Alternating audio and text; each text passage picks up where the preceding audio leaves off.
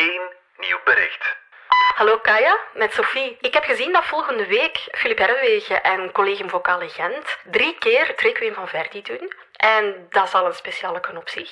Maar die combinatie die had ik ook echt niet zien aankomen. Ik ben Kaya Verbeke en van de Standaard is dit Radar, je wekelijkse cultuurpodcast. Radar.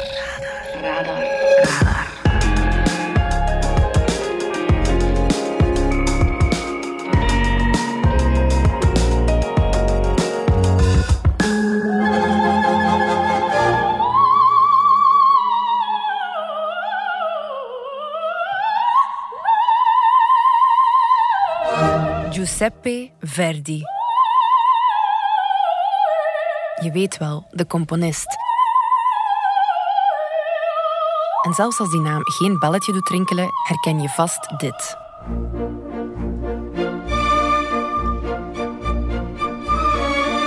La Traviata. Verdi was een operacomponist en deze ken je zeker ook.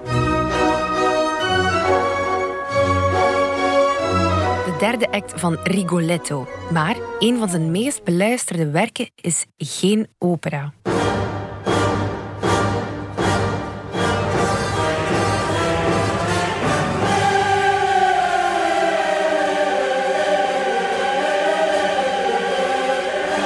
Het Requiem. Een dodenmis dus. Een stuk muziek voor tijdens een uitvaart. Plechtig en ingetogen zou je denken, maar nee hoor.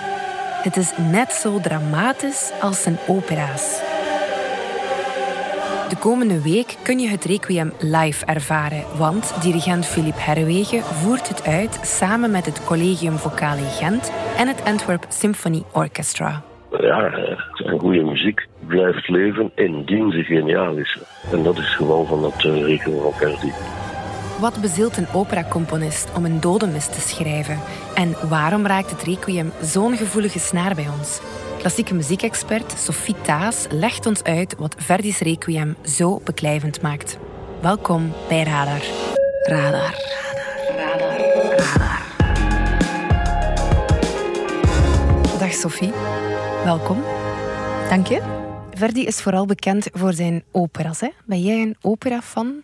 Ik ben zeker een opera-fan, maar ik kom qua repertoire graag iets vroeger kijken. Dus ik ben specialist oude muziek vooral. Dus ik hou enorm van de vroegste periode uit de operageschiedenis, de 17e eeuw, de era van uh, Monteverdi, van Cavalli en consorten.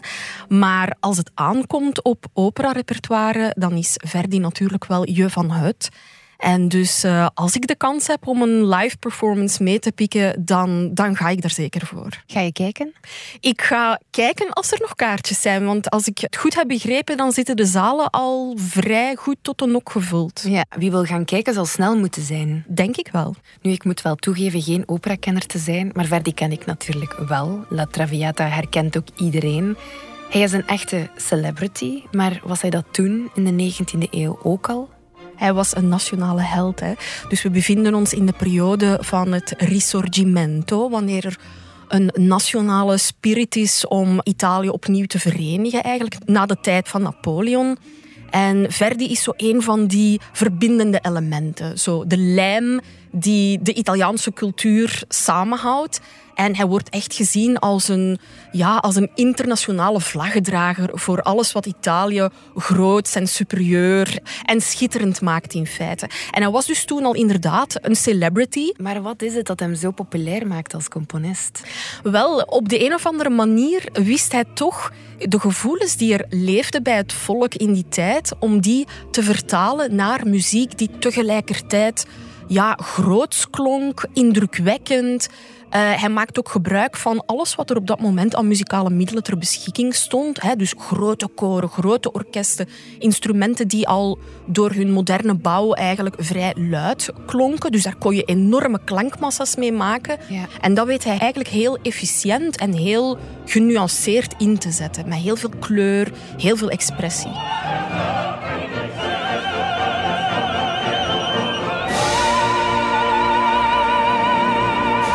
Had hij dan ook veel invloed in Italië?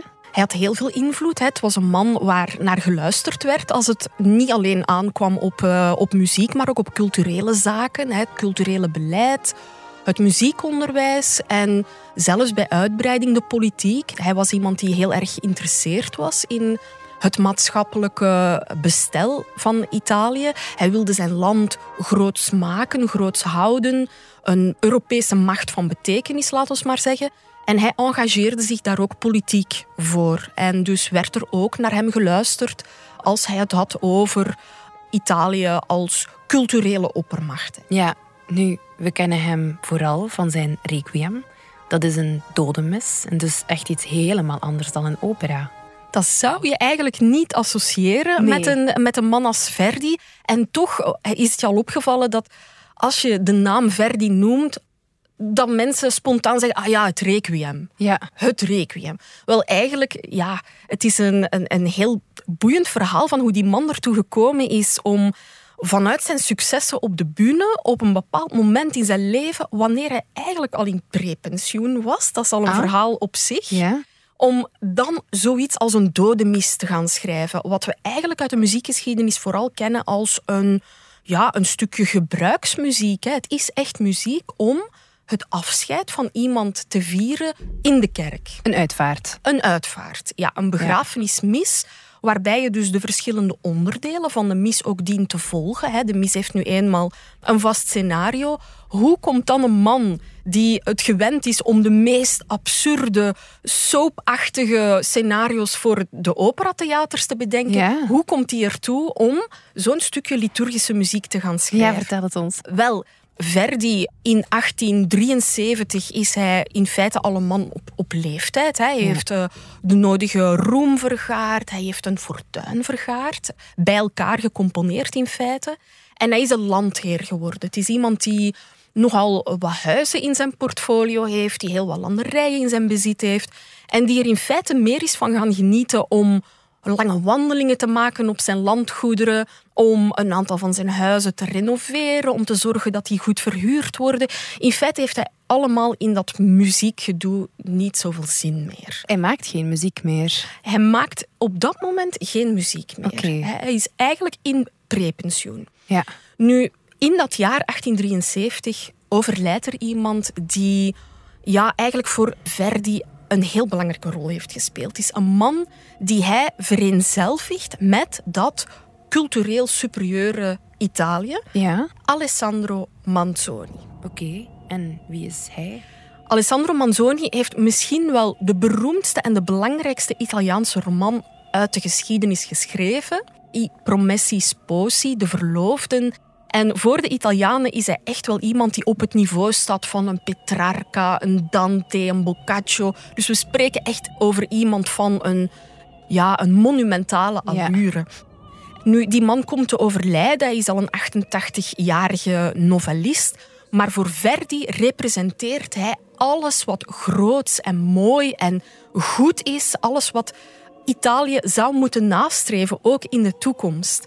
En wanneer hij komt te overlijden, is dat voor Verdi alsof er een rib uit zijn lijf wordt gerukt. Hè? Ja. Het is in feite maar vijf jaar na de dood van Giacchino Rossini, een van die andere boegbeelden van de Italiaanse cultuur.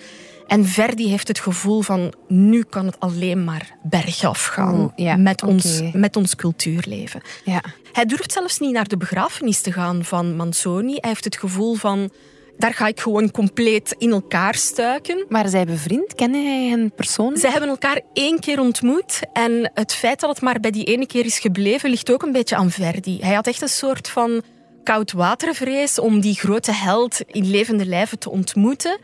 Het is er dan uiteindelijk toch van gekomen en hij heeft daarover gezegd van ik voelde mij alsof ik aan de zijde van een heilige stond. Ik zou voor hem willen knielen als het toegestaan was mensen te vereren. Ze zeggen dat het verkeerd is dat te doen.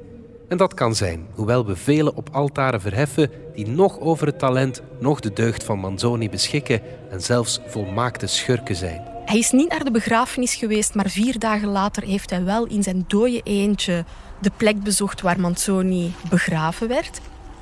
En het zou dan een dag erna zijn dat hij naar de burgemeester van Milaan een brief schrijft en zegt van kijk, ik stel voor dat ik een requiem componeer om deze man te eren. Ja. Okay. En ik zou willen dat het precies op de eerste verjaardag van zijn overlijden hier in Milaan wordt uitgevoerd, zijn première krijgt en dat we die gelegenheid gebruiken om die grote man, die held, te herdenken. Ja, hij had terug de nood om muziek te componeren. Hij voelde echt die noodzaak. Hij heeft ook op een bepaald moment, we hebben daar die getuigenis van Verdi zelf, hij zegt van, het moest eruit. Het was een noodzaak. Ik moest gewoon mijn genegenheid en mijn erkentelijkheid aan die man bewijzen. U, nog de gemeenteraad, zijn mij dank verschuldigd voor het aanbod om een dodenmis te schrijven ter ere van Manzoni.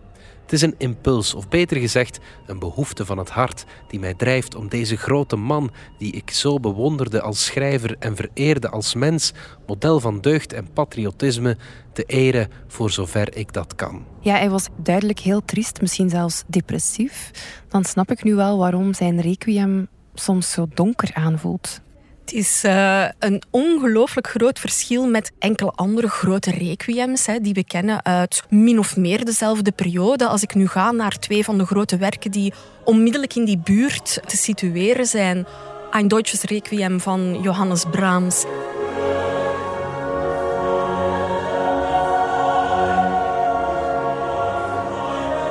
En het Requiem van Gabriel Fauré.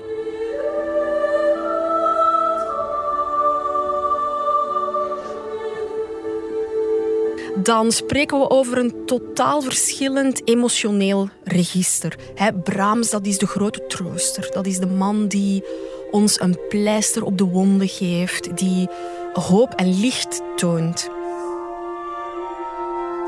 Fauré, dat is degene die zalft. Hij maakt het door zijn toonspraak heel lieflijk en sereen en elegisch. Het is een beetje alsof we zweven in die eeuwigheid. Verdi maakt er toch een beetje hel en verdoemenis van. Ja. Dus uh, we horen de, de doodstrompetten klinken. Ik heb ergens wel gelezen dat het een soort van muzikale terreur bijna is, wow, die uit ja. deze partituur schalt. Ja.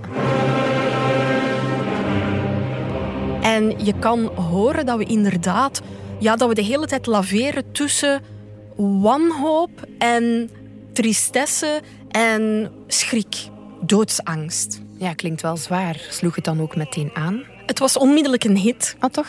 Ja, van bij de première waren de eloges ronkend, zal ik maar zeggen. Ik heb ook ergens een verslag gelezen van hoe die première precies verlopen is. Het is een ongelooflijk verhaal met applaus zo uitbundig dat er ook om bis gevraagd werd. Ze hebben dan een aantal onderdelen van het requiem nog eens moeten herhalen. En op het einde werd hem zelfs een zilveren kroon op een kussentje aangedragen. Dus ja, men was volledig vervuld. Dus mensen deelden eigenlijk wel het gevoel van Verdi van hier is iets groots gebeurd in onze geschiedenis. We zijn die man verloren, maar we hebben nu een muzikaal monument in feite waarmee dat we hem in de toekomst altijd kunnen blijven gedenken. Dat tegelijkertijd ook een nieuw baken wordt in onze cultuurgeschiedenis. Dus men zag ook direct het belang in en de impact van dat werk in de grotere schaal van de muziekgeschiedenis. En het heeft Verdi ook geen windeieren gelegd. Hè. Hij is ook op tournee kunnen vertrekken met dat requiem. En een aantal van de grote muzieksteden in Europa, hè, Londen, Parijs, hebben het toen ook kort na die première live kunnen horen.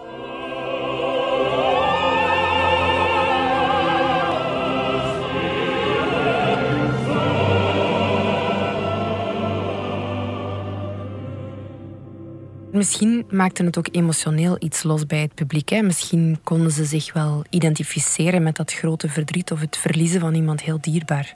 Of misschien zelfs die doodsangst hè, die in de partituur zit en die wanhoop. En ja, natuurlijk, een, een dodemis, misschien in een breder perspectief, is toch iets waar je als mens, ongeacht je individuele karaktertrekken of je geschiedenis, je relaties, Iedereen kan zich daar iets bij voorstellen. Of we het nu op onszelf betrekken, of we het op een van onze familieleden kunnen toepassen, beste vrienden. Iedereen heeft wel zo'n verhaal te vertellen.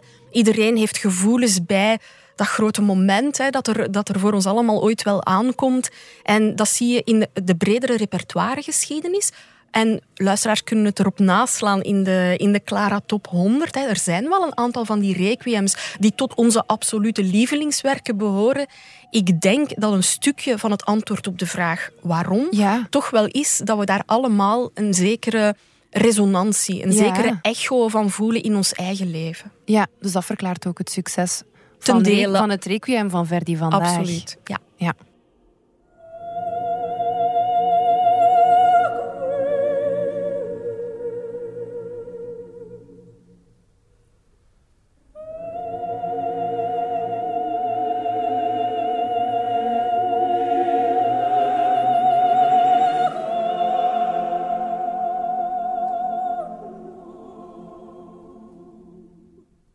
Sophie, de komende week kunnen we het Requiem ook live beleven, want het wordt opgevoerd in Gent, Brussel en Antwerpen onder leiding van dirigent en ja, wereldautoriteit Philippe Herwegen. En je had me verteld dat dat toch wel heel bijzonder is.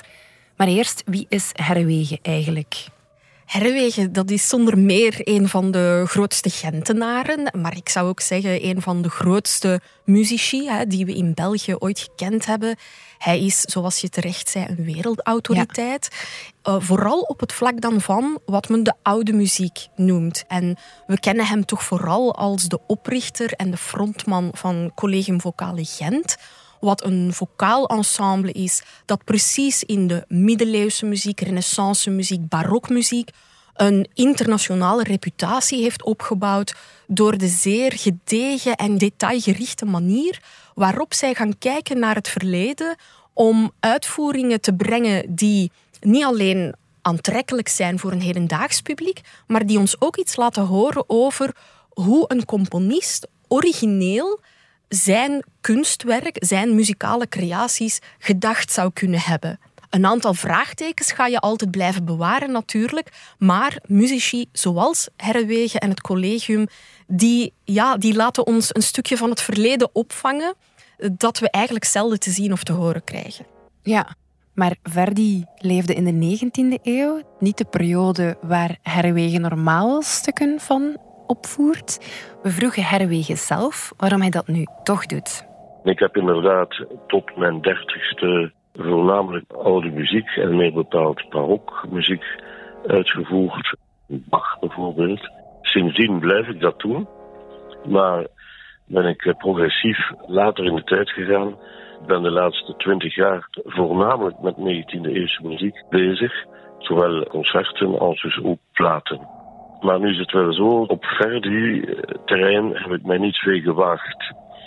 Maar Verdi, en meer bepaald dat koorwerk, want het spreken van Verdi is toch voornamelijk een koorwerk, dat heb ik al lang in het vizier. Alhoewel ik zeer goed besef dat ik in een soort onderzoeksfase ben. Ik zal de partituur wel goed kennen natuurlijk op zich, maar er stellen zich allerlei stilistische problemen. En eh, die kan men enkel oplossen door erover na te denken, te lezen, maar natuurlijk ook vooral door het uit te voeren, te repeteren. Het is dus work in progress, zal ik maar zeggen. En dat maakt het ook net zo interessant. Hè? Dus ik zou zeggen, daarom moeten mensen zeker proberen om eind deze maand, hè, eh, 27, 28, 29 april, live te gaan luisteren naar toch wel een heel bijzondere vertolking van deze repertoireklepper die iedereen vast al wel eens beluisterd heeft in de een of andere versie. Ik zou toch durven zeggen dat deze uitvoering, dat wordt toch iets aparts. Hè? Dat wordt een, een, een beetje vanuit een dubbel perspectief. Een man als Herwegen en het collegium die dan gewend zijn om vanuit het verleden naar de hedendaagse Ja. uitvoering te kijken. En een orkest als Antwerp Symphony Orchestra, dat natuurlijk ook met alle moderne middelen en moderne instrumenten achter de pupiter zal zitten. Ja, geeft wel een blend van twee stijlen eigenlijk. Een heel unieke blend. En daar gaat sowieso iets uit voortkomen dat je op nog geen enkele opname of in geen enkele andere live-uitvoering gaat terugvinden. In een werk moet men een soort evenwicht natuurlijk proberen tot stand brengen tussen het respect van de tekst, de inhoud van de tekst, de affecten, de emoties van de tekst en de formele structuur. En ik ben aan het zoeken natuurlijk op dat eh, punt. Dan is er nog een ander eh, aspect, gewoon de zangtechniek. En op dat gebied zoek ik ook, samen misschien met mijn collega's muzici, zangers dan, die daar ook veel over nadenken. Bij ons heb je bijvoorbeeld uh, Reinhold van Mechelen, een fantastische tenor. Ik heb met hem boeiende conversaties daarover. En we hebben geprobeerd van uh, de juiste, denk ik, solisten te vinden. We hebben uitstekende solisten die dit een beetje gespecialiseerd in dat soort stuk van het repertoire. Maar het blijft zoeken, maar juist dat vind ik sinds altijd boeiend, zoeken. Sophie Herwegen legt zich dus toe op het requiem van Verdi. Maar er zijn er nog. Hè. Je hebt ook nog het requiem van Mozart, dat van Brahms. Mhm. Wat maakt die van Verdi anders?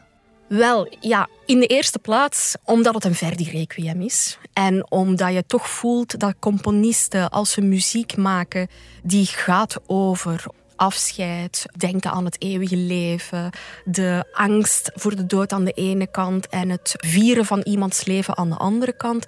Dat is misschien wel de meest persoonlijke compositie die je kan schrijven. Hè? Onherroepelijk gaan ze daarbij ook aan hun eigen sterfelijkheid en aan hun mhm. eigen levenservaringen denken. En ik zou dus bijna durven zeggen dat die signatuur van iemand, niet alleen als componist, maar ook als mens, ja. toch maakt dat die werken heel verschillend van elkaar klinken. Nu, een tweede onderscheid dat je kan maken is dat er heel weinig dodemissen zijn die zo theatraal, die zo dramatisch zijn, die zo dicht bij opera komen. En daar zijn we natuurlijk weer, hè, met de man Verdi die het bijna niet kan helpen. Dat alles wat hij schrijft toch een beetje doordrongen is van, uh, van het muziekdrama. Hè. En dat is dus zeker ook het geval met dit requiem.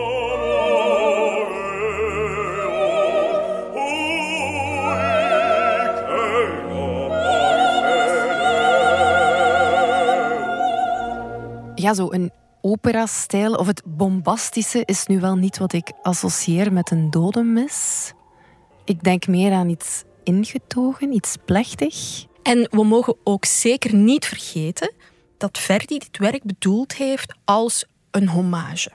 Dus hij wou er zeker ook geen theaterspektakel geen van maken. Entertainment. Geen entertainment, geen bombastisch spektakel. U begrijpt beter dan ikzelf dat deze mis niet gezongen mag worden als een opera. En dat de frasering en dynamiek die wellicht prima zijn in een theater me helemaal niet bevallen. Helemaal niet. Maar aan de andere kant, hij kan het niet helpen dat hij schrijft als operacomponist. En we zien ook dat het werk, dat de partituur tussen de verschillende onderdelen zwengt van het een naar het ander. Dus we beginnen in het introitus, het requiem aeternam, geef hem de eeuwige vrede. We beginnen daar ook heel sereen. Het is een beetje alsof dat je ja, aan het begin van de misviering de priester achter het altaar ziet stappen. Hij alles verstilt, iedereen focust. Je stapt in dat moment van herdenking en van samen zijn op een moeilijk moment. Maar al heel snel in het begin van het werk eigenlijk volgt het dies irae de dag des torens, het oordeel. Dan barst het echt los, hè? Ja, het zwaard van Damocles dat boven onze hoofden hangt, dat hakt er ook heel diep op in. Mm alle trompetten mogen van stal. Ik geloof dat er acht uh, in de bezetting ingeschreven staan. Vier trombones, horens, vier fagotten. Dus het buldert langs alle kanten met pauken en dat soort van stevige instrumentale middelen. Die mogen allemaal van stal voor de dag des torens. En de rest van de partituur gaan we eigenlijk tussen die twee uitersten heen en weer blijven zwenken. Af en toe heb je ook het gevoel dat je naar een applausaria zit te luisteren, waarbij er op elk moment een soort van diva kan losbarsten in zeer lyrische gezangen. Die komen er ook aan te pas. Op andere momenten zitten we dan weer in een soort van Bach-contrapunt, waarbij je bijna aanvoelt van oké, nu zou ik best naar een orgelfuga kunnen zitten te luisteren. Dus Verdi zoekt emotionele, maar ook muzikale uitersten op. En net dat geeft de partituur, ik denk, zo'n magische aantrekkingskracht. Ja, en het einde is ook wel verrassend, hè? Aan het einde verwacht je misschien een beetje dat alles ontploft. Ja. Dat we de terreur die Verdi toch een beetje door die partituur weeft, dat hij tot een enorme emotionele explosie gaat komen. Maar zou durven zeggen dat we bijna het omgekeerde krijgen. Ja. Een implosie. Vanuit het eeuwige niets, wel, daar gaan we uiteindelijk ook terug naartoe cirkelen. En het is een beetje alsof de verstilling hier niet langer voelt als een devote, toegewijde stilte, maar als een totale wanhoop. Alsof er na het einde hier op aarde toch niet meer zo heel veel rest. Het is misschien interessant om daaraan toe te voegen, Verdi was zeker geen man die het katholieke geloof een warm hart toedroeg. Hij was misschien zelfs atheïst.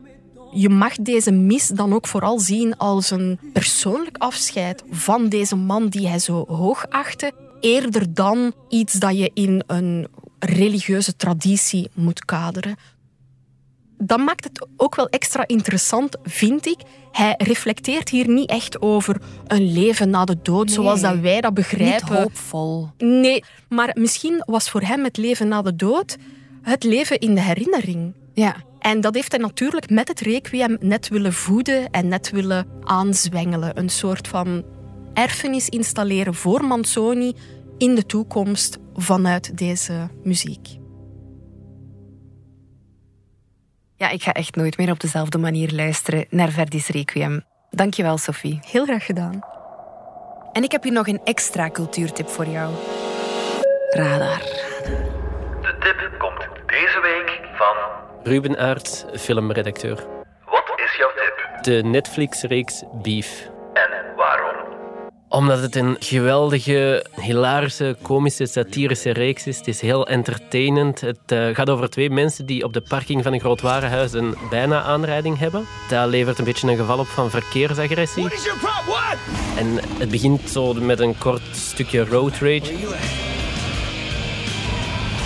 Maar het gaat eigenlijk vooral over een soort van frustratie, zich gekleineerd voelen, zich machteloos voelen op die parking, maar eigenlijk ook globaler in het leven. I have a very full life that I'd love to get back to.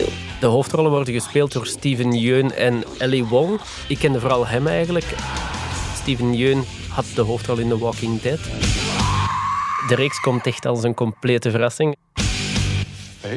Er werd niet met grote verwachtingen naartoe geleefd, omdat de namen voor geen groot publiek heel bekend zijn. En nu bekijkt iedereen de reeks en, en komen er heel veel laaiende kritieken en is er een groot gedeeld enthousiasme. Bitch ass handyman pissing on my hardwood floor. This is European. Oh, mother. Beef staat nu integraal op Netflix. You started this. Me. You're the one who backed into me like a psycho. You're the one that flipped me off all roided out and sh- Are you guys leaving or are you just gonna sit there? What you say? What you say? Say it again! I dare you to say it again! Tien afleveringen van een kort, te kort half uur. Bedankt voor jouw bijdrage. Thanks for the tip. Radar. Zo, dat was Radar, de wekelijkse cultuurpodcast van de Standaard. Alle credits vind je op standaard.be-podcast. Bedankt voor het luisteren en eh, tot volgende week. Hè.